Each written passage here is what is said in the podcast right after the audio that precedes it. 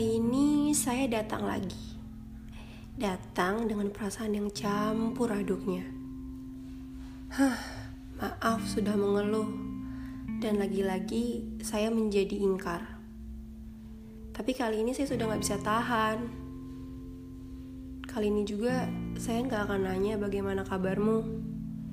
Biar saya sendiri aja yang melihat dari jauh kalau kamu sudah baik-baik aja. Atau mungkin kamu memang selalu baik-baik aja.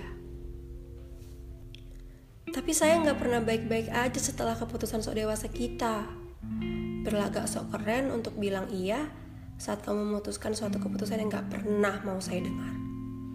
Saya marah waktu itu, gak sanggup rasanya. Gimana enggak? Setiap harinya saya selalu dapat celotehan dari kamu. Dan sekarang menjadi sepi. Tanpa argumen dan rindu sekali hiruk pikuk di dalamnya. Dan yang bisa saya ucapin dari akhir kesedihan ini adalah Terima kasih sudah pernah datang. Hah, saya malu sekali kalau harus menunjukkan hal mini ini ke kamu. Tapi, saya bisa apa? Judul pamit kali ini sudah begitu berat. Apalagi setelah semua memori yang kamu rangkai dengan begitu rapihnya di hidup saya. Merangkai sebuah keyakinan bahwa kamu adalah orangnya. Dengan kebiasaan-kebiasaan kecil dan pesan-pesan singkat yang selalu kamu kirimkan setiap harinya kepada saya. Ya, walaupun hanya sekedar potongan-potongan kata, tapi begitu berarti buat hari-hari yang akan saya jalani waktu itu. Berat sekali rasanya. Ternyata saya sudah jauh dari kebiasaan-kebiasaan itu.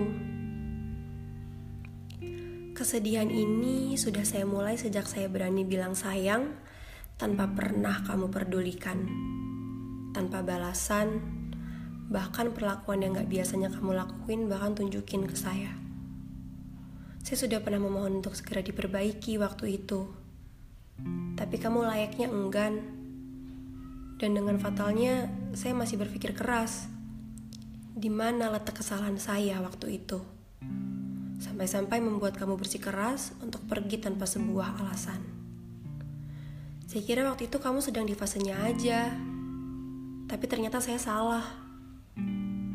Kamu benar-benar mau membiasakan saya tanpa adanya kamu dan sampai pada titik di mana yang kamu mau sudah terpenuhi.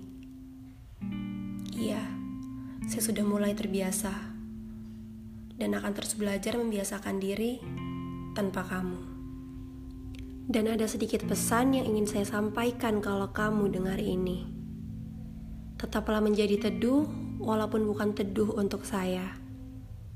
Tetaplah menjadi baik walaupun semesta berteriak kepada saya waktu itu bahwa kamu tak pernah menjadi baik. Tapi saya tetap yakin kamu sudah berusaha menjadi baik, walaupun bukan yang terbaik buat saya.